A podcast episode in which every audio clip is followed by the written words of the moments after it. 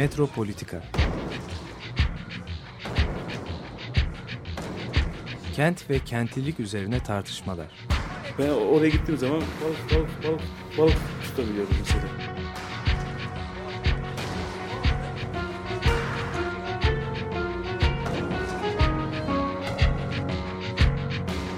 Hazırlayıp sunanlar Aysin Türkmen, Korhan Gümüş ve Murat Güvenç. Takusu yok yani. kolay kolay boşaltamadılar. Yani elektrikçiler terk etmedi Perşembe Pazarı merkezinde. Merhabalar değerli Açık Radyo dinleyicileri. Ben Korhan Gümüş. Murat Güvenç ile birlikte e, programı yapıyoruz. Aysim Uzaklar'da. E, bizim programın girişindeki Perşembe Pazarı e, kaydı ta 80'li yılların şeyine referansla 87'lerin Perşembe Pazarı yıkımlarından söz ediyor ve elektrikçilerin terk etmediğini e, bu bölgeyi evet, söylüyor. Bugün hala aynı... Elektrikçiler duruyor orada. E, Evet ve hala devam ediyor aynı şey ve Şişhane Perşembe Pazarı arası da yani herhalde Türkiye'de e, kendi konusunda ihtisaslaşmış bir şey olarak pazar yeri olarak elektrik ürünleri konusunda herhalde bir numara. Yani onun bir alternatifi henüz daha oluşmadı. Yani ne AVM'lerin içinde ne, ne büyük böyle şey mağazaları, ev donatı teçhizatlandırma mağazaları falan. Hiçbir yerde o kapsamda ürün çeşitliliği ve şey bulunmuyor. Yani zenginlik, yenilik, kalite diyelim. Şimdi buradan biz tekrar e, şehrin tarihi merkezinin kıyılarında dola- dolaşıyoruz. Öbür yer, öbür tarafına, öbür, Öbür yakası, tarafına öbür ucuna evet. gidiyor. Ta, aslında 50'lere giden bir süreçten burada söz edeceğiz. Ee, meşhur e, istimlakler. Fakat ben biraz tersten başlayalım diyorum. Çünkü konuyu... Tabii, Fransız gündeme- filmi gibi. Evet, Son- sonundan Bir baştan gösterip filmi şey yaparlar sonra tekrar değil mi? e, Nouvelle Vague, yeni yeni dalga filmleri öyledir genellikle. Önce sonunu gösterir, sonra olayın oraya na- nasıl geldiğini anlatır. Ben de şeydeki Molière'in hani Monsieur Jourdain gibi nesir konuştuğunu fark edip onun bir edebi tarz olduğunu fark edince seviniyor Evet, ya. Ben, evet, ben de evet. sanatçıymışım diye. Yani sen de Nouvelle Vague sinemasının e, senaryolarını yazıyorsun da pek haberin yok. Yani Haberim yok. Kendim yaptığımı Peki estağfurullah küçük tabii şaka bahsediyorum. Evet. Şimdi 2002 yılına istersen Geri gidelim. gidelim. Günümüz deyince hani günümüz de öyle Tabii. kolay bir Artık bizim yaşımızda değil. 2000 yıl 2002 yıl günümüz oluyor. Daha Evet, yakın. 2000'li yıllar Evet, deniyordu bir evet. ara. Yani yeni zamanlar, yeni çağ falan. Yani 13 yıl öncesine gittiğimiz zaman İstanbul'un dış ticaret limanı ki uzun zamandır işlevsiz kalmış. Yani onu şimdi biraz sonra konuşacağız herhalde. Ee, bir e, özelleştirme e, şeyine sahne oluyor ihalesine. Ve bu ihale e, yaklaşık 50 yıllık yani 49 yıllığına yapılmış bir ihale. Ve e, 3,5 milyar euroluk bir teklifle 2002 yılında e, bu ihalesi yapılan yer e, şey oluyor. Yani 2000 e, zannedersem e, i- i- 2002'den günümüze kadar bir ihale süreciyle karşı karşıyayız. Bir şirketin üzerinde kalıyor ve işte bu 49 yıllık 3,5 milyar euroluk bir ihale. Bugün e, 2013 şey sıçrıyorum buradan. 2013'te e, bu ihale iptal edilmiş oluyor. 2005'te e, şeyden dolayı e, ihale iptal oluyor. Çünkü Kültür Bakanlığı'nın yaptığı plana göre, Kültür ve Turizm Bakanlığı yaptığı plana göre yapılmış e, bir ihale. Özelleştirme İdaresi Başkanlığı'na devrediliyor. Ve yeniden ihalenin yapılması gene çok yakın bir tarih 2013 yılında gerçekleşiyor. Bu sefer 702 milyon dolarlık bir teklifle ihaleyi alıyor kuruluş. Buna karşılık yüzde 25 daha az yapılaşma koşulu var. Ve aynı zamanda da 49 yıl 30 yıla inmiş oluyor. Şimdi bu basitçe iki ihale sürecinin e, rakamları. İhale edilen bölüm 112 bin metrekarelik bir alanı kapsıyor. Yani gözümüzde canlandırmak için şöyle söyleyelim. Bilinen yerler Mimar Sinan Üniversitesi'nin hemen yanında Deniz Ticaret Odası vardır. Onun küçük bir binası vardır. Oradan Karaköy iskelesine kadar yani Karaköy vapur iskelesinin olduğu yere kadar aşağı yukarı Rıhtım. Rıhtım, bütün Rıhtım şehir merkezinde tam 1.2 kilometre. Yani inanılmaz uzun Yani bir şehir merkezinde şöyle 100 metre, 50 metre bir cephe demek muazzam bir şeydir. Bu 1.2 kilometrelik bir alan Özelleştirme İdaresi Başkanlığı tarafından ihale ediliyor. Ama bununla birlikte işte 2010'da kıyı kanunu değişiyor. Ondan sonra işte şeyler oluyor falan. Bu kapsamda neler var? Bir takım tarihi yapılar var. Türkiye Denizcilik İşletmeleri Genel Müdürlüğü var. Yolcu salonu var yolcu meşhur. salonu, evet. O meşhur üstünde kulesi olan. Ben onun içine girdim geçenlerde. Terk edilmiş vaziyette. Tamamen o güzel pırıl pırıl hani bir zamanların e, İstanbul'un çok yüksek yapısı. yani Evet. şey bir de liman lokantasının olduğu bir yer değil mi? Evet. Çok prestijli bir yer olduğu için böyle hani içine girenleri etkileyen o eski büyüsü hiç kalmamış böyle her tarafından mimar, şeyler çok ünlü bir dökülüyor. mimarın e, eseri değil mi? İsmini şimdi hatırlayamadım ama çok ünlü bir mimarımızın eseri. Evet. Ee, Çinili Han var. Evet. Savaş öncesinden kalan. Yani Gümrük eski binaları var. gümrük binaları var. Paket postanesi var. Burada yapılacak olan şeyler neler? Programda neler var? Mağazalar var. bir kere mağazalar geliyor buraya. Ondan sonra restoranlar var. Oteller var. Ofisler var. Yapılacak program bu. Ee, işte bir tek yani içinde bir İstanbul Modern var. Onda yıkılacağı söyleniyor. Yani yeni programda zaten hani yüzde 25 daha az yapılaşma deniyor ya. Ee, burası işte bir şey olarak rekreasyon alanı olarak e, gösteriliyor. Ve e, şimdi tabii bu e, bir de şeyle alakasını söyleyelim. Beyoğlu planları da iptal edilmişti 2013'te.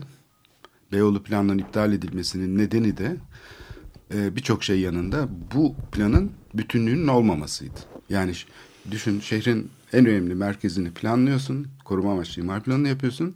Fakat bütün kıyıları e, planda yok. Beyaz bir boşluk olarak duruyor. Buna da dikkati çekmiştik. Yani böyle bir e, şey yüzünden iptal edilmişti planlar, tuhaflık yüzünden diyelim. Fakat o da daha sonra Düzeltildi. düzeltildi, korije edildi. Yani bir tür şeye uğradı derslerde. Hani böyle üstü çizilir. Bu yanlış evladım bak şöyle yap. Denir çünkü sayeden mahkeme. İade itibar oldu. Evet. Çünkü yani bilirkişi raporu gayet e, kapsamlı ve şeydi. Yani çok ciddi bir analizi vardı. Teknik bir analiz vardı. E, planın iptal edilmesine yol açan bilirkişi raporu yani bu fragmentasyona dikkat çekiyordu. Yani farklı otoritelerin aynı şehir bütününde e, ilişkiye girmesini ol, yani mümkün olmayan bir şekilde e, müdahale etmesinin hani bugün koruma tekniklerine aykırı olduğunu söylüyordu bu iptal gerekçesinde. Bu çok doğru çünkü hani UNESCO'da bugün mesela Dünya Miras Listesi'ndeki yerler için daha hazırlık sürecinde, adaylık sürecinde bir yönetim planı yapmasını istiyor. Yani bütünsel bir yaklaşım getirmesini zorunlu kılıyor zaten yönetimlerin. Yani koruma planı standartlarında zaten bir ilişkisel bakış gerekiyor. Şimdi bu işin şey tarafı, e, kısaca günümüzdeki gelişme. Tarihçesi. Tarihçesi evet. Binaların şimdi yıkılacağını e, tahmin ediyorum ben. Şimdi bu antrepo binalarıyla öndeki ofis binaları arasında da biliyorsun bir karşıtlık var. E, antrepo binaları son derece yalın. E, sanayi mimarisinin tamamen şeyine göre yapılmış. Ve bugün de yapılsa hani aynı şekilde yapılacak. Neredeyse yapılar. Fakat hani e, şey olarak bakılırsa da şehrin merkezinde şimdi antrepo ne arıyor falan o konuya girmeyeceğim ama yani teknik açıdan çok düzgün yapılmış ve sahiden de yani Türkiye'nin e, bir dönem e, şeyi e, oluşturan mimarlık e, paradigmasının şeyini oluşturan e, tezlerini oluşturan yani ikinci milli dediğimiz hani halk mimarisinin şeylerini esasları üzerine birinci milli tasfiye eden Cumhuriyet Hareketi'nden sonra birdenbire İkinci Dünya Savaşı'ndan sonra da internasyonel stilin işte Hilton gibi şey gibi belediye binası gibi binaların yani şehirde yaygınlaşmasıyla birlikte Fındıklı'daki yapıları da aslında zannedersem herhalde mimari tarz olarak internasyonel stile e, şey yapabiliriz. Evet. E, bu şey e, Bauhaus e, şeyi Amerika'ya gittikten sonra savaştan sonra e, yani aslında bu neoklasik akıma karşı bir tezken e, faşist ve işte şey e, bu tarihte e, arayan geçmişi özcü yaklaşımlara yani biçimin bir öz olarak aranıp bulunmasını şey yapan, savunan, bugün de hala milliyetçi düşüncenin temelinde işte böyle bir öz arayışı vardır ya. Buna karşı ciddi bir şey oluşturan, entelektüel bir paradigma değişikliği yaratan, e, e, onu yapı çözüme uğratan e, şeyin, e, e, düşünce e, şeyinin ortamının birdenbire tekrar bir tür e, stile dönüştüğünü görüyoruz. Ve bütün dünyaya biraz da Amerika merkezli olarak yaygınlaştığı bir döneme denk geliyor aslında bu antrepo yapılarının yapılması. Özellikle öndeki ofis binaları da bu açıdan herhalde e, yeni dönemin kamu yapılarını simgeleyen yani ön tarafın biraz daha simgesel bir şeyi olduğunu, işlevi olduğunu düşünürsek arkadakilerin daha çok e, kullanımsal hani böyle bir ayrım yapmak bana çok doğru gelmiyor ama ön taraftaki ofis binaları da bu yeni dönemin şeyini e, şehirde simgeleyen en büyük kamu yatırımlarından en büyük kamu mimarlığı projeleri olarak görülebilir. Evet. Şimdi biz gündemimize niye aldık? Hani bir tanesi geçtiğimiz günlerde paldır küldür bu binalardan bir tanesi yıkılıverdi. Bu yıkılan binada e, bu Caddeye bakan. Bank, evet, e, tam Nusretiye Camisi'nin yanındaki e, şey Resim ve Heykel Müzesi'nin taşınmasıyla ilgili e, bir karar sonrasında, yapılan pazarlıklar sonrasında işte şeydeki e, Veliaht Dairesi olan işte eski bina, gerçi orada da bir depo gibiydi yani müze olarak pek işletildiği söylenemez. Dolayısıyla size hani şu depoyu verelim diye Türkiye Denizcilik İşletmeli ile 28 yıllık bir sözleşme yapılmış. Ama tabii bu sözleşmeler, bu pazarlıklar başka şekillerde oluyor aslında. Bizim gördüğümüz Bilmedi- şekillerde bilmedi. bilmediğimiz yollarla oluyor. İşte bunun karşılığında da bu binalar ilk önce aslında hoş bir bina yani şey olarak da fikir olarak da işte günümüzün taşıma teknolojisine uygun bir simge olan kont- konteynerlarla sanki böyle e, çıkmaları olan e, bir tür öyle bir metaforla güncellenen aslında e, hoş bir fikirle başladı. Fakat o kirişlerin bu konsolları taşımayacağı ortaya çıktı. Çünkü e, sahiden çok ciddi konsollar e, çıkması gerekiyor. Dolayısıyla yapının fiziksel özelliklerini bir şekilde tekrar koruyarak diyelim taşıyıcı sistem olduğu gibi arka bölüm yıkıldıydı. Fakat e, tabii gösteri arka tarafta kalınca bu simgesellikle biraz çelişiyor olmalı. Onun için bir- birdenbire yaklaşık iki hafta öncesinden başlayarak şu anda artık dümdüz olmuş vaziyette. Öndeki ofis binasına sıra geldi ve o da tartışmasız bir şekilde yıkılıverdi. Bu başka şeylerin de habercisi olabilir. Yani diğer e, ofis yapılarında yıkımı söz konusu olacak diye ben tahmin ediyorum ki bu konuda hiçbir fikrimiz yok. Koruma kurulunda bu konuda hiçbir e, şey yok. Dolayısıyla aslında ne yapılabilir diye belki programın sonuna doğru konuşabiliriz. Ee, bu bölgenin yani dönüşümü için bu tip müdahaleler yerine belki ilk önce bir idare fikriyle başlamak gerekiyor. Ben sadece şu cümleyle şeyimi söyleyeceklerimi özetlediğim şeyleri bitireyim. Yani ben yapıların fiziksel varlığıymış gibi gözüken sorunun aslında fiziksel varlığıyla ilgili olmadığını düşünüyorum. Yani Beyoğlu'nu yıllardır bir duvar gibi kapatan bu bölgenin e, şehrin merkezinin denizle ilişkisini koparan bu bölgenin Ankara tarafından yönetilen bölgenin hep sorun olduğunu konuşur dururuz yani yıllardır. Ama bunun binalarla ilgili bir sorun olmadığını idari bir e, sorun olduğunu Alanın düşünürüz. yönetimiyle. Evet. alan yönetimiyle ilgili bir sorun olduğunu söyleyerek istersen bu girişi kapatayım. Şimdi istersen bu şeye gelelim. Yani burası ilk önce anlamaya çalışalım. Yani nedir karşımızdaki olay? Buradan başlayalım istersen. Şehrin dış ticaret limanı niye böyle şekillendi?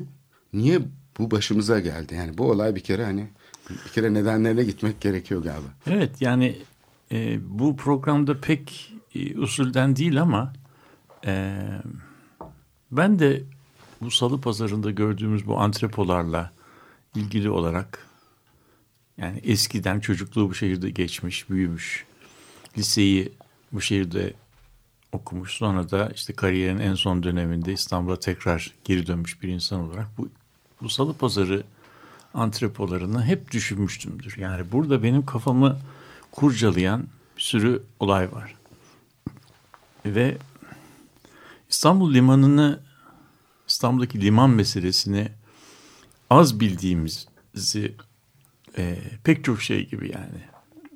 Yani limanını az biliyoruz da ulaşımını çok mu biliyoruz veya konutunu çok mu biliyoruz? Oralara baktığımız zaman İstanbul aslında ölçeğiyle kıyaslandığında dünyanın en az üzerinde çalışma yapılmış şehirlerinden bir tanesi. Onu onu bir kere teslim etmek lazım. Kahire ile ilgili, İskenderiye ile ilgili literatürle İstanbul'la ilgili literatürü karşılaştırdığınız zaman İstanbul aleyhine inanılmaz bir şey var. Araştırma eksiği var.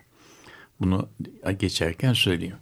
Ee, tabii İstanbul Limanı ile ilgili olarak yani kaynak dediğimiz zaman kaynak dediğimiz zaman İstanbul şehir tarihlerinde İstanbul limanlarına şey var ifade e, referanslar var. Fakat İstanbul limanı da çok az çalışılmış bir şey var. E, bu, bu İstanbul limanı ile ilgili biz ben okuma kaynak filan ar- ararken 2-3 e, tane tabii kaynak var. Bunlardan bunları söylemekte yarar var. Bir tanesi Wiener e, Müller'in İstanbul Limanı kitabı Tarih Vakfı yayınlarından çıkmıştır. Bur burada İstanbul Limanı'nın tarihsel tarihiyle ilgili ilginç bir şey var. Fakat bu biraz e, bu e, yazarın ölümünden sonra yayınlanmış bir kitap. Yani tam e, acaba bitirseydi öyle mi bitirirdi onu bilmiyoruz. Ama bu biraz bir yarım bitmiş bir daha çok deskriptif, betimleyici bir e, halde bırakılmış ölümden sonra yayınlandığı için tabii insanlar da onu doldurmamışlar. Ama bu İstanbul Limanı'nı anlayabilmek için belki 2-3 tane kaynak var önemli. Bir tanesi şeyi okumakta yarar var. Bu rıhtımları yani aklıma gelen rıhtımları ve inşaatlarla ilgili olarak 19. yüzyıl sonu dönüşümünü anlamak için Osman Nuri'nin Mecelli Umuru Belediye kitabı var. O, orada İstanbul Limanı ile ilgili kimler yaptı, nasıl yaptı, nasıl gelişti bunları anlatıyor. İkincisi bir toplumsal tarihçi Donald Kuatert'in İstanbul Limanı'nda mavnacılık ve bunun ekonomi politiği üzerine çok ilginç bir çalışması var. 1920'lerde de İstanbul Limanı e, millileştiriliyor. Bir liman inhisarı kuruluyor. E, 26 yıl. 26. 26. Biraz gecikmiş diyelim. Tabii. Ama yani 30'lara şey, doğru 30'lar. sistem. Yani e, İstanbul tabii o dönemde muazzam bir e, ekonomik kriz içerisinde. Çünkü başkentlik fonksiyonunu kaybetmiş, imparatorluk gitmiş İstanbul. Yani e, eski ihtişamının gölgesinde yaşayan bir şehire dönmüş 1926'da. İşte bir liman idaresi var. Liman idaresi de aslında böyle e, bizim bildiğimiz normal liman idarelerinden değil. Liman idaresi e, sadece gemilerin yanaşmasıyla filan ilgilenen bir idare. Depolama, e, tahmil tahliye, yükleme boşaltma işleri üzerinde de liman idaresinin çok büyük bir şeyi yok. E, nasıl diyelim yetkisi yok. Onu mavnacılar yapıyorlar.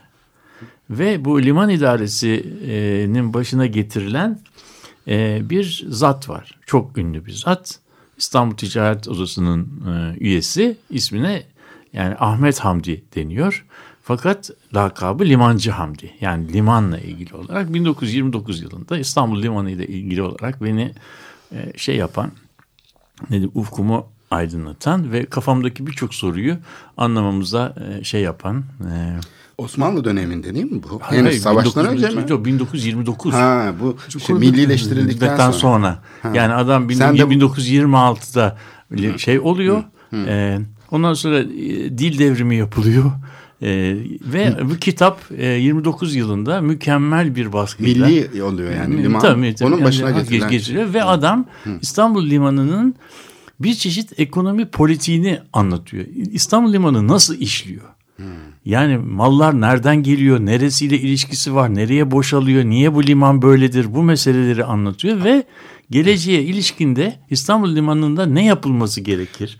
Başka limanlarla karşı Avrupa'da ne yapılıyor? Gelişmiş ülkelerdeki limanlarda ne yapılıyor? İstanbul Limanı acaba çağdaş bir liman mıdır? Arkasını yani böyle İstanbul Limanı'nın bir çeşit fotoğrafını çekmiş bir şey görev, vardı. Görev de o herhalde. Tabii, Çünkü tabii. o sırada yönetime gelen siyasetçilerin e, Ankara'nın diyelim aslında pek de fazla bu konuları bilip bilmediğini bilmiyoruz. Ve bu, yani bir sen tane bununla ilgilen diyorlar. O da aslında fotoğrafı çekiyor. Evet ama bu yaptığı şey Ankara'da da pek fazla e, rağbet görmemiş, beğenilmemiş bu çalışma. Fazla e, yani Gerçekçi üstüne, mi? vazi, üstüne vazife olmayan pek çok Ha, işlere de evet. e, bulaşmış. Ve sonunda kitabın sonunda da bu nefis bir kitap. E, biz e, ben bunun yani bir Limancı Hamdi'nin İstanbul kitabı, İstanbul Limanı kitabının yani Tarih Vakfı'nda filan yani ilk yayın toplantısında söyleyeceğim. Yeniden e, basımını önereceğim. Çünkü yani hakikaten şeyi bizim bu şehri anlamamız için bir e, şey e, nasıl diyeyim bir mücevher değerindeki bir şey ve bir e, bir ders kitabı gibi okutulabilecek İstanbul yani üniversitelerde liman konusunda okutulabilecek düzeyde ve işin en ilginç tarafı da iş süreçlerini, hamalları, e, bu nakliyecileri, mavnacıların nasıl bir iş süreci içerisinde çalıştıklarını, şekiller, şemalar, herkesin anlayabileceği bir biçimde hiçbir şeye e, kaçmadan hani teknik e, terimlere kaçmadan karşılaştırmacı olarak Tıpkı basımı yapılmamış mı? yapılmamış. kitabın? Hiç Yapılma- yapılmadan yapılmamış. kalmış. Yani biz bunu biz bunu bir yerde bulduk ve yani e, beni son zamanlarda en çok etkileyen kitaplardan bir tane. Neyse kitabı bir tarafa bırakırsak burada İstanbul Limanı'nın bir e, işlevsel bölümlenmesi e, yapılıyor. İstanbul'un esasen diyor e, esasen üç çeşit, üç tür limanı vardır. Bir tanesi e, şeyin Unkapanı Köprüsü'nün batısında kalan kısmı. Oraya iç, iç liman deniyor. Haliç'in işte o tersanelerin olduğu bölge. Oranın ticari pek bir önemi yok. Yani oraya girmiyor. Niye yok? Çünkü önünde iki tane köprü var. Bu köprülerde şehrin büyümesi nedeniyle yapılmış ve bu köprüler ancak geceleri saat 3 ila 6 arasında 4 ila 6 arasında 2 saat açılabiliyor. İşte orada da gemiler içeri girip çıkabiliyor. Ama Her bu gece ticari- açılıyor. E, tabii. E Şimdi bugün mesela böyle bir şey yok. Her gece o iki köprüde Açılıyor. muazzam düzenli bir şekilde, açılıyor. Çünkü bekliyorlar. Saatini bekliyorlar. Vapur saati gibi bekleniyor köprünün Tabii. açılış şey. Ve ondan sonra biraz da şehri rahatsız edecek şekilde. Çünkü sesler çıkmaya başlıyor. Gece harıl harıl çalışan bir liman var. Tabii, Mavnalar bütün- tütün taşıyor, bütün- işte peynir taşıyor, un taşıyor, e, şey kömür taşıyor. Silah taraya şey, şey, gidiyor. kö- kö- şey gidiyor, kömür gidiyor, kül, oradan bir- silah tarağdan kül çıkıyor, küller geri taşınıyor falan. Yani inanılmaz bir Ee, inanılmaz. şimdi s- yani programlarda böyle bir düdük sesi falan duyuyoruz yani bir tane. Onun yü- yüz, yüz katı, yüz katı ses Beyoğlu'nda duyuluyordu. Tabii. Benim Çünkü çocukluğumda. liman liman faal bir liman. Girişinde öyle bir Evet. ses var. Evet. Şimdi yani burada bu limanı anlatıyor. Bu birinci iç, iki liman arası, iki köprü arasına Osmanlıcadan eee, şey eee, ödünç alınan bir kelimeyle köprüler arası deniyor. Buna cisreyn deniyor. iki köprü arası. Bu köprü arasında da bir Osmanlı'dan kalan bir şey var. Bir e, im- imar nizam var. Burada buhar makinesi çalışmayacak deniyor. Yani Ne- ne- endüstri, endüstri olmuyor. Çünkü şehre, saraya yakın bir yer. Burada küçük sanatlar olabilir, ticaret olabilir, toptancılık olabilir ama İmalat imalat olmuyor. O yüzden dikkat edersen Haliç'teki endüstri dokusu Unkapanı'nın batısından başlıyor. İşte Cibari Tütün Fabrikası, Fesane, tersaneler, silahlar, bahar makinesi iç kısımlarda. Evet. O arada toptancılar ve küçük imalat bölümü var. Ve o şeyle işte 19. yüzyıl ortasında e, bu şey yapıldığı andan itibaren diyor İstanbul şehrinin çok büyük bir problemi başladı. Hiç hiç düşünmediğimiz bir şekilde köprüyü köprüyü yani tarihi Yarımada'yı Beyoğlu'ya yapılan köprünün yeri öyle bir yere kondular ki koydular ki diyor e, İstanbul İstanbul'da liman olarak kullanılabilecek alan birdenbire böyle e, Haliç'in verdiği 7 kilometrelik imkanın belki çok küçük bir bölümüne düştü. Burada İstanbul Limanı dediğimiz şey e, Karaköy Sirkeci arasındaki köprü bir ucunda şey var e, Sarayburnu var öbür ucunda da Tophane var. Yani Sarayburnu, Tophane, e, Sirkeci ve Karaköy arasındaki o küçük şey yamuk şekilli alan.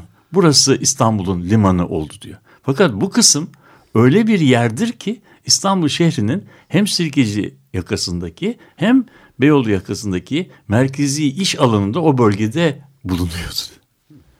Şimdi bu bölgede şey yok.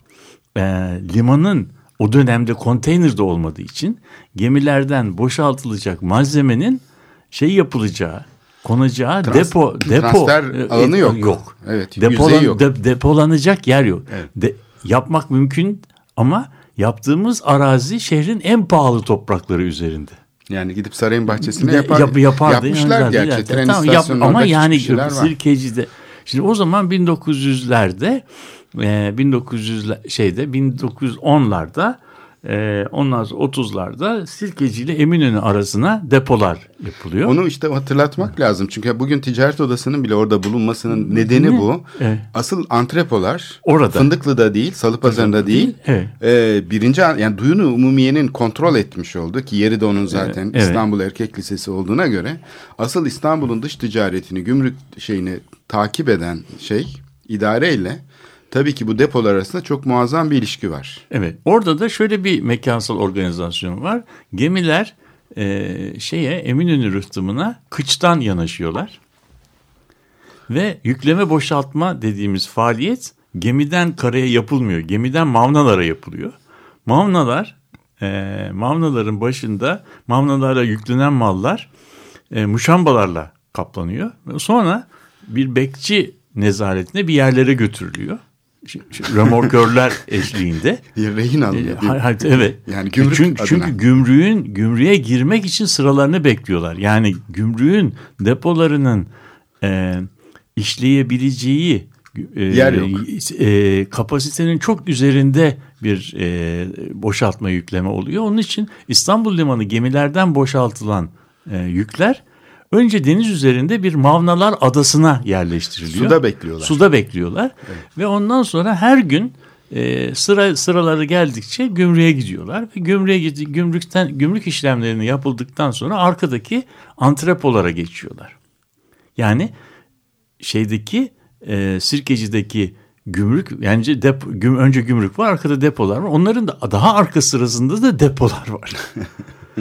Ve şehrin bu da şehrin merkezi iş alanının içerisinde inanılmaz bir depo e, faaliyeti var ve şehir ve öyle olduğu zaman da tabii e, bunların olabildiğince küçük tutulması lazım ki başka faaliyetlerle yarışıyorlar. Onun için de yükleme alanı geliştirilemiyor.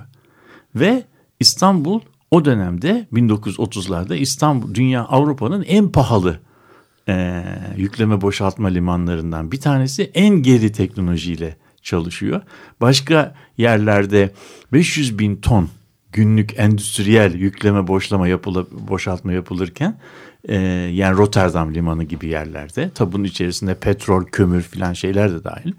İstanbul'da sadece bin ton yapılabiliyor. Yani 500'e 1 oranında. Ve Limancı Hamdi'nin verdiği gemi şeye bakarsak navlun olarak e, 20 kuruşa getirilen İstanbul'a deniz yani tonu Taşıma- 20 ta- taşını İstanbul'da limandan piyasaya çıkarırken 1 lira yani 5 katı yüksekliğinde bir şey bir liman endüstrisi var. Yani, Yani- bu çok önemli bir bilgi. Evet, Şimdi evet. yani taşımadan daha fazlası? Beş sadece katı gemiden limanda, alınıp lim- limanda. şehre e, Evet. çıkarken. Ve beş misli. Beş misli. Yani İstanbul limanından e, şeyi İstanbul limanına malı getirmek için ödenen navlunun beş katı İstanbul limanındaki limancılık faaliyetleri üzerinden ödeniyor. Ve İstanbul'da en şey en getiri düzeyi yüksek olan endüstride tahmin, tahmin edileceği gibi mavnacılık. Mavnacılık çünkü mavnacılık gümrükle ilgili, depocu depolarla ilgili ve ilişki öylesine bu çok güzel anlatılmış. Bu e, yanaşamayan gemilerde Salı Pazarı'nın açığında sahilden 350 metre uzakta büyük şamandıra alanları var. Oraya diziliyorlar. Burunlarını akıntıya vermek suretiyle ta şeye kadar bir ucu Kabataş'a bir ucu da şeye giden denizde bir, e, bir, bir, bir- bir tekneler dizisi oluyor. Onların da yanında mavnalar yanaşıyor. Mavnaların nasıl çalıştığını da anlatıyor. Sabahleyin herkes e, teknelerle bu gemilere gidiyor. Gemilerin ambarlarına gidiliyor. Ambarlarda her tüccarın, her ithalatçının, her toptancının e, ısmarladığı mallar özenle birbirinden ayrılıyor. Ve vinçlerle ayrı küçük mavnalara konuyor ki herkesin malı birbirine karışmasın ve bir seferde çıksın Ya diye. bu tabii pahalı bir iş. yani. İnanılmaz bir pahalı ve sabahtan akşama kadar şey e, işçiler e, bir kısmı Mavna'da malların beklem e, indirmesini bekliyor. Bir kısmı geminin ambarında mal ayırıyor ve sabahtan akşama kadar bu işlem sürüyor. Ve öyle olduğu zaman başka bir memlekette yani endüstriyel bir liman dediği yerde bir günde yapılacak iş burada elle emekle yapıldığı için 3 günde, 4 günde, 5 binde de yapılıyor ve tabii bu da gemi burada her beklediği gün bu e, şeyin e, kentin yüklemesine yani e, işte malın taşıma bedeline yansıyor. O da tabii sonuçta fiyata yansıyor. Yani o zaman ithalat olab yani en azından navlun açısından olabileceği fiyatın 5 kat daha yüksek bir navlunla satılma zorunda kalıyor. Bunun üzerine gümrük vergilerini, komisyonculukları filan onları da e, katmak tabii lazım. Şimdi bütün bu bunu niye anlatıyorum? Şimdi burada biz bizim bu limanın İstanbul limanının e, limanının bir strüktürel problemi var. Şehrin merkeziyle liman faaliyetleri birbirinden yarışıyor. Normal bir şehirde mesela Londra gibi bir şehirde baktığımız zaman Londra'nın limanı diyebileceğimiz dokları City'nin içinde değil. Şehrin 7 kilometre 10 kilometre Thames Nehri'nin uzağında yani orada dokların içerisine giriyor. Keza Anvers'e baktığımız zaman Anvers'te de okyanusla şehir arasındaki bütün o Haliç kenarlarında böyle havuzlar var. O havuzlarda yapılıyor. Ama İstanbul'da e, bu köprüden kaynaklanan sıkışma nedeniyle şehir merkeziyle yarışan bir e, liman faaliyeti var. İstanbul'da bir liman problemi var. Ve şeyde e, diyor ki e, bizim limancı Hamdi de biz diyor e, özellikle önce diyor öneri öneri olarak biz bu Galata Köprüsü'nü yıkalım diyor. Yani limanı çok limanı enteresan. çok çok çok evet. enteresan bir şey. Evet. Yani ya bu köprüyü başka türlü yapalım ya da e, bu bu meseleyi başka ve orada ne, ne gibi e, öneriler tartışıldığını da görelim ama der şeyimizin sonuna geldik yani birinci kısmın sonuna geldik bu bölümde Jacques Brel'den Amsterdam ile ilgili bir liman şarkısı dinleyeceğiz.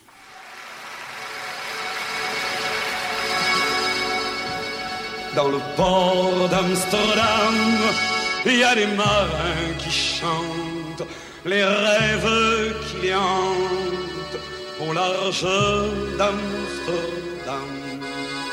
Dans le port d'Amsterdam, il y a des marins qui dorment comme des oriflammes le long des berges mortes.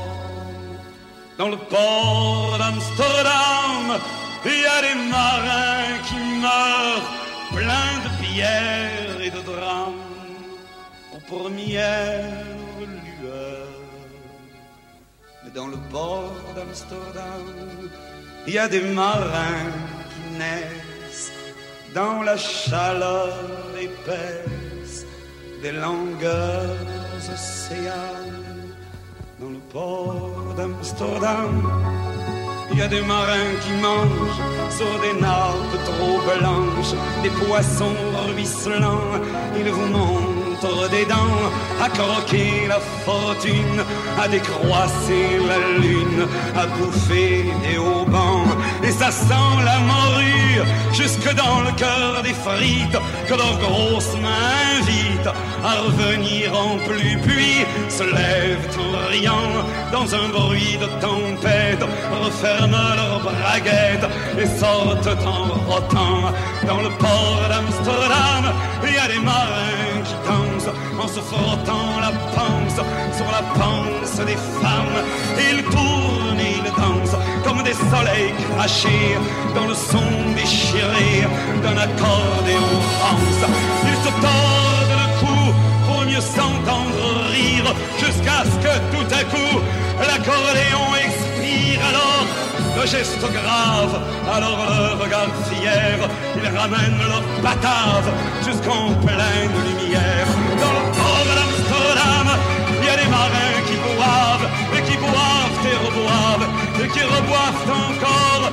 Ils boivent à la santé des putains d'Amsterdam, d'Hambourg ou d'ailleurs. Enfin, déboiffent aux dames, qui leur donnent leur joli corps, qui leur donnent leur vertu pour une pièce en or. Et quand ils ont bien bu, se plantent le nez au ciel, se mouchent dans les étoiles, et ils pissent comme je pleure sur les femmes infidèles dans le port d'Amsterdam, dans le port d'Amsterdam.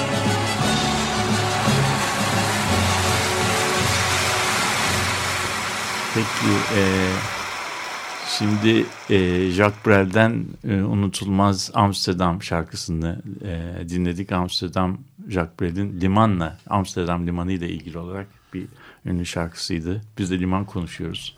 İlgili olabilir diye düşündük. Evet, var, Liman ilgisi var, arkası, evet. liman arkasındaki Sözlerde, yaşamla ilgili, e, yaşam- liman arkasıyla Evet. ilgili ilginç e, benzerlikler de var yani.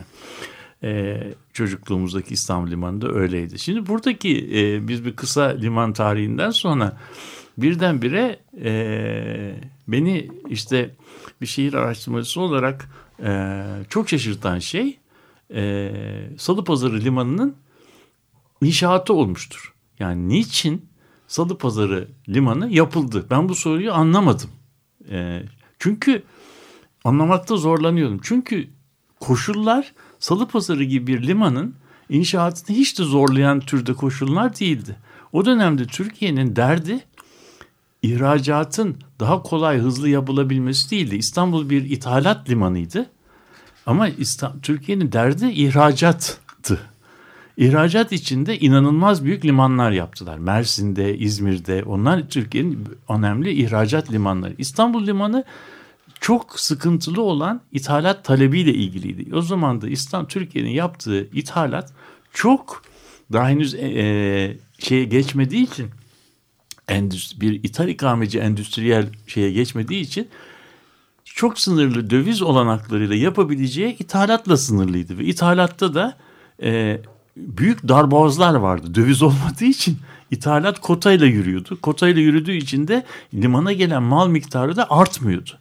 Yani o yüzden 1950'li yıllarda büyük bir ithalat talebi var da e, şey, evet problem vardı ama bu problem ta Osmanlı döneminden beri sürmekte olan liman yerinin şehir merkeziyle çakışmasından gelen bir şeydi. Ve 1955'lerde e, Tophane Kışlası'nı yıkıp oraya antrepo yapılmasını gerektirecek hiçbir acil e, neden yokken Üstelik de o sırada bir de kriz var değil mi? Yani Tabii bir- iktisadi kriz var. Devalüasyon olmuş. Devalüasyon oldu olacak. Doların kara borsa fiyatı gelmiş 9 liraya. ithalat 9 lira versen bile dolar yok. Zaten ithalat kota sistemiyle yapılabiliyor. Kotalar piyasada satılabiliyor. Yani inanılmaz bir kara borsacılık var. Yani e, Milli Koruma Ko- Kanunu tekrar gündeme getirmiş 55'lerin İthalat problemini anlatmanın imkanı yok. İnsanlar ilaç için hava yollarındaki pilotlara e, yaklaşmaya ve hastalarına ilaç getirmeye e, getirtmeye çalışıyorlar. Yani 55'leri e, günümüze getirmek, e, göz önüne getirmek için röntgen filmi bulunamıyor, fotoğraf filmi bulunamıyor, sinema filmi çekmek için film bulunamıyor. Yani söylemek istediğim boya yapsam vernik bulunamıyor. Yani İstanbul'un e, şeyi durumu böyle ve ithalat yapacak büyük mallar geliyordu koyacak yer yerimiz yok diye bir liman problemi de yok yani o durumdaki problem döviz problemi. Niye yıkıldı burası? Yani niçin birdenbire e, Ya da başka bir yerde yapılmak yerine orada o, yapılıyor. o başka bir yerde yapılmak yerine ama niye böyle bir liman e, yapıldı problemini ben doğrusu izleyemedim. Gerçekten niye niye yapıldı diye.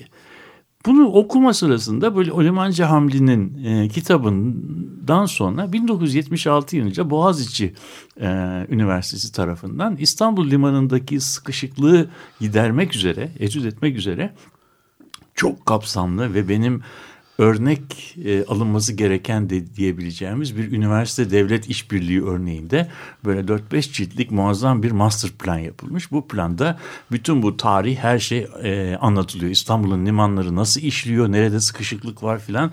Yani benim açımdan çok öğretici bir kitaptı. Bu kitabın tarihle ilgili kısmında e, aradığım şeyi buldum. E, Sorunun cevabını. Sor buldum. Diyor ki e, elbette Salıpazarı Limanı'nın yan, yer seçiminin yanlışlığı konusuna değinmiyor raporda.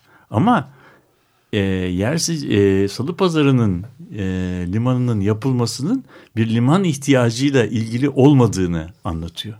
Liman ihtiyacından dolayı Salıpazarı yapıldı, limanı yapıldı den, denilmiyor. Diyor ki o dönemde İstanbul'da yapılan yol yatırımları o büyüklüklere varmıştı ki ortalıkta liman olarak kullanılabilecek o az sayıdaki ne antrepo ne indirme yeri ne hiçbir şey kalmadı. Yani Sirkeci ile e, Karaköy arasındaki binalar açıldı, o yollar yıkıldı. Bütün e, yol sistemi içerisinde İstanbul'un liman sisteminin e, kalbi yol yatırımları itibariyle tahrik e, tahrip edildi ve alelacele bir liman yapılması gerekiyordu ve Salı Pazarı yapıldı. Salı Pazarı limanı niye orada yapıldı da başka yerde yapılmadı sorusunun cevabı da ilk başta söylediğim Limancı Hamdi'nin kitabında var. İstanbul Limanı nerede yapılmalıdır, nerede gelişmelidir diye bir şema çizmiş. Baktığım zaman bugün İstanbul Limanı'nın bütün ana kararları 1929 yılında Limancı Hamdi'nin limanı buraya yapalım dediği yerlerde. Haydarpaşa Limanı'nın gelişmesini öneriyor ve Salıpazarı Limanı'nın da yapılmasını göre. Oradaki rıhtımın kaç metre olacağı, nasıl olacağı antrepoların bu 1929 yılındaki kitapta var. O limanı bir master plan olarak e, aynen kabul ediyorlar ve alelacele oraya bu limanı yapıyorlar. Yaparken, 30 yıllık bir gecikme olmuş. Tabii, o, ama, Ama kamu projeleri bu çok normal. ama- 30 evet, yılda zaten. Ama ama tabii 30 yılda 30 yılda bağlam değişmiş. Aradan koskocaman bir kriz geçmiş. Onun üzerine bir dünya savaşı geçmiş. Dünya başka türlü olmuş. İstanbul'un geleceğinin nasıl olacağı belli olmuş. E, nitekim bütün şeylerde planlama yazınında Salıpazarı Limanı'nın oraya yapılması e, e, mesela Doğan Kuba'nın deyimiyle bir ufuksuzluk olarak şey yapılıyor. Yani kentin bütününü görmeyip e, oradaki şeyi kışla yıkıp kışla arazisine liman yapmak gibi bir şey. Yani bir vizyon eksikliği. Nitekim şeye baktığımız zaman e, geleceğine baktığımız zaman birinci köprünün inşaatıyla beraber iki önemli süreç oluyor. Bir tanesi e, birinci köprü yapıldığı zaman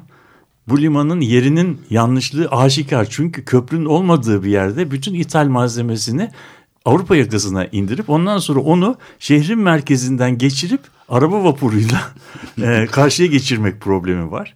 O zaman Trakya'da endüstri çok az bir e, bir şey tutuyor. Yani problem olmadan problemi yaratıyoruz. Yani daha yani problemi köke şeyi e, olmayan problemi yaratıp çözmeye çalışılıyor. Nitekim bu yanlışlık birinci köprüden sonra liman faaliyetlerinin, Salıpazarı liman faaliyetlerinin e, şeyi iş yükü giderek e, azal azalmaya başlıyor ve Haydarpaşa limanı hızla şey yapılıyor ve e, birinci köprüden sonra Salıpazarı limanı yavaş yavaş di- diyelim ölüme terk ediliyor. Ölümüne terk edilmesinin iki sebebi var. Bir tanesi yer seçimi yanlış. İkincisi de konteyner trafiğine geçiş. Konteyner 1955'lerde başlayan bir şey. 70'lerde bu önem kazanır mı kazanmaz mı diye tartışılıyor. Bugün konteyner olmayan bir e, deniz trafiği sadece petrolde ve e, buğday gibi e, hani dökme e, kuru yük gemilerinde var. Onun haricinde bütün malzeme e, containerization döne- dönemine girmiş ve Salıpazarı Limanı da böyle e, bir planlama nasıl diyelim faciası diyebileceğimiz büyük bir abidevi bir planlama ufuksuzluk Fakat şeyi. Salı, Salıpazarı inşaatından ziyade buradaki planlama Tabii. hatası e, Duyun Umumiye'den kalan ya da e, Osmanlı döneminden kalan antrepoların farkında olmadan yıkılması. Tabii, Eminönü tabii işte, işte burada, arasında. burada evet aynen işte. Şimdi o zaman o zaman e, o zaman bizim şehre nasıl bakmamız gerektiği konusunda bir ipuçları veriyor. Liman bilmecesinin sonucunu liman teknolojisinde aradığımız sürece biz bunu bulamayız. Liman probleminin problematiğinin şeyini bir imar anlayışında, bir ulaşım anlayışında, bir e, yol e, istimlaklerinde e, aramamız lazım. Önce istimlak edip sonra ne yapacağız diye düşünürsek o zaman bu bizi böyle şeylere götürüyor. Yani kente e, ilişkisel ve bütüncül bir bakışın ne kadar gerekli olduğuna dair bir ders gibi bu şey Salıpazarı Limanı. Ondan sonra ne oluyor? Ondan sonrasını sen e, konuşmanın girişinde e, anlattın. Bekleyelim bundan sonrasını. Ondan sonrası şöyle bir şey oluyor. Biz bu limanı yaptık. Limanı hayata geçirebilmek için de çalıştırabilmek için de e, işte Karaköy'deki meydan dediğimiz yer o dar yerin açılması gerekti. Çünkü köprüye daha rahat bir erişim e, gerekiyordu. O e, bu şimdi tam bir yumurta ve e, tavuk hikayesine dö- döndü. Yani e, şu Necati Bey'in üzerindeki caddenin adı nedir? Kemeraltı Caddesi'nin yıkımı liman nedeniyle mi oldu? Yoksa limanın işini e, ce- limanın ürettiği trafiği şehre girebilmesi için mi o yolların e, yıkılması gerekti? Bunlar iyice düşürülmesi gereken bir şey. Çünkü oraya o malı indi, e, salı pazarına indirdiğimiz malın e, kullanacağı yer herhalde Şişli değildi. O yer Topkapı'da, Bayrampaşa'da, Eyüp'teki sanayilerde kullanacaktı ve onun için de Karaköy'den geçirilmesi gerekiyordu. Onun için de biz ne yaptık?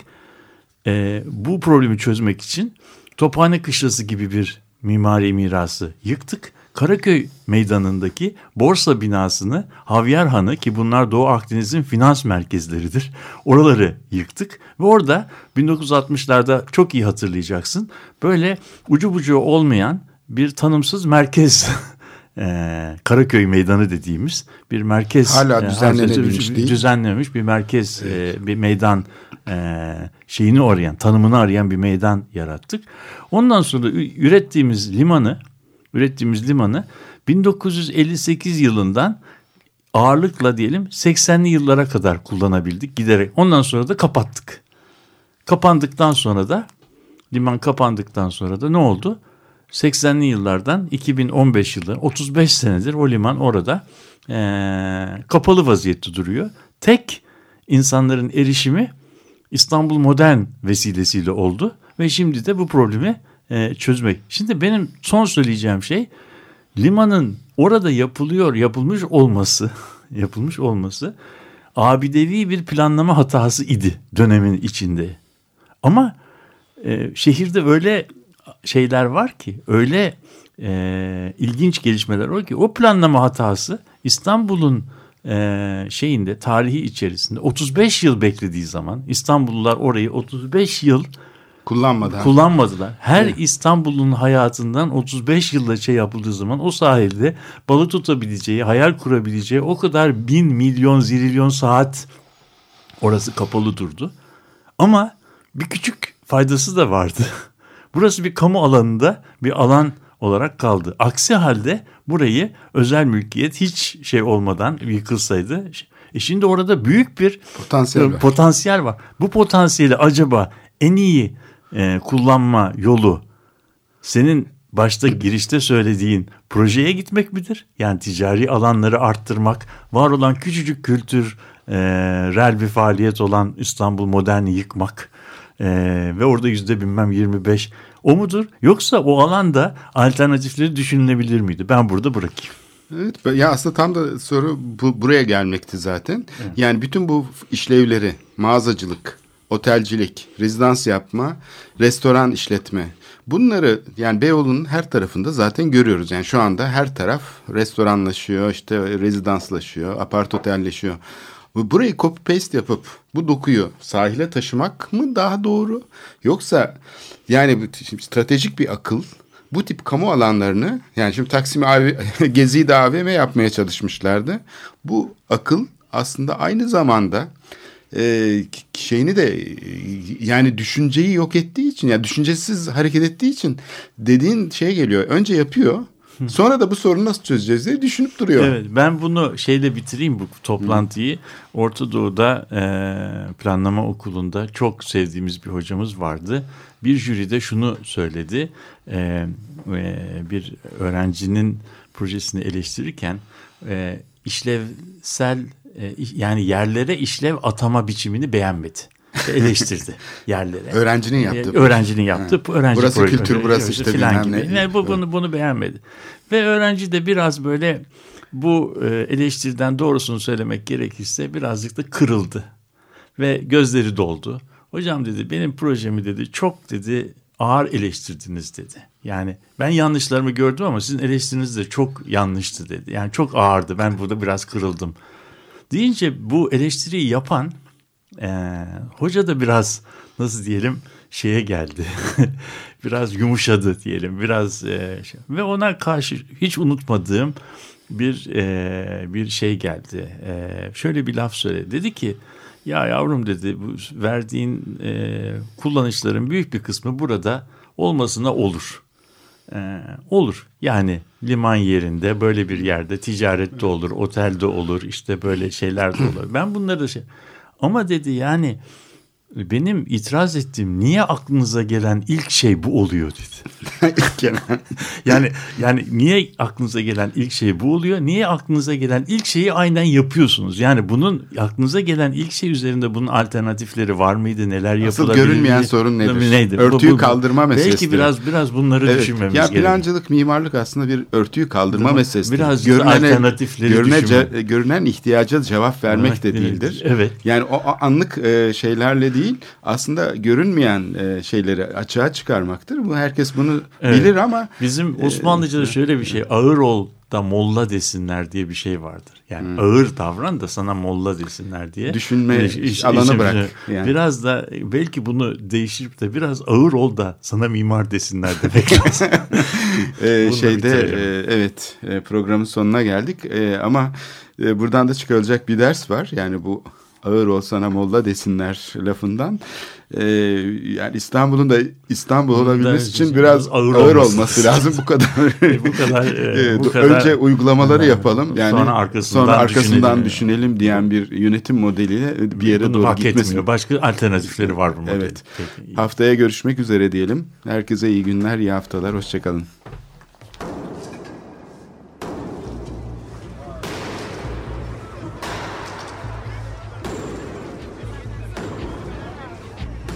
Metropolitika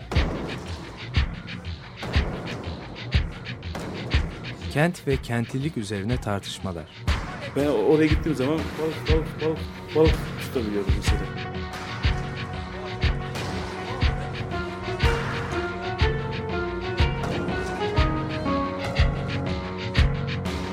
Hazırlayıp sunanlar Aysin Türkmen, Korhan Gümüş ve Murat Güvenç. Takusuyor ki. Kolay kolay boşaltamadılar. Yani elektrikçiler terk etmedi Perşembe Pazarı merkezini. Açık Radyo program destekçisi olun. Bir veya daha fazla programa destek olmak için 212 alan koduyla 343 41 41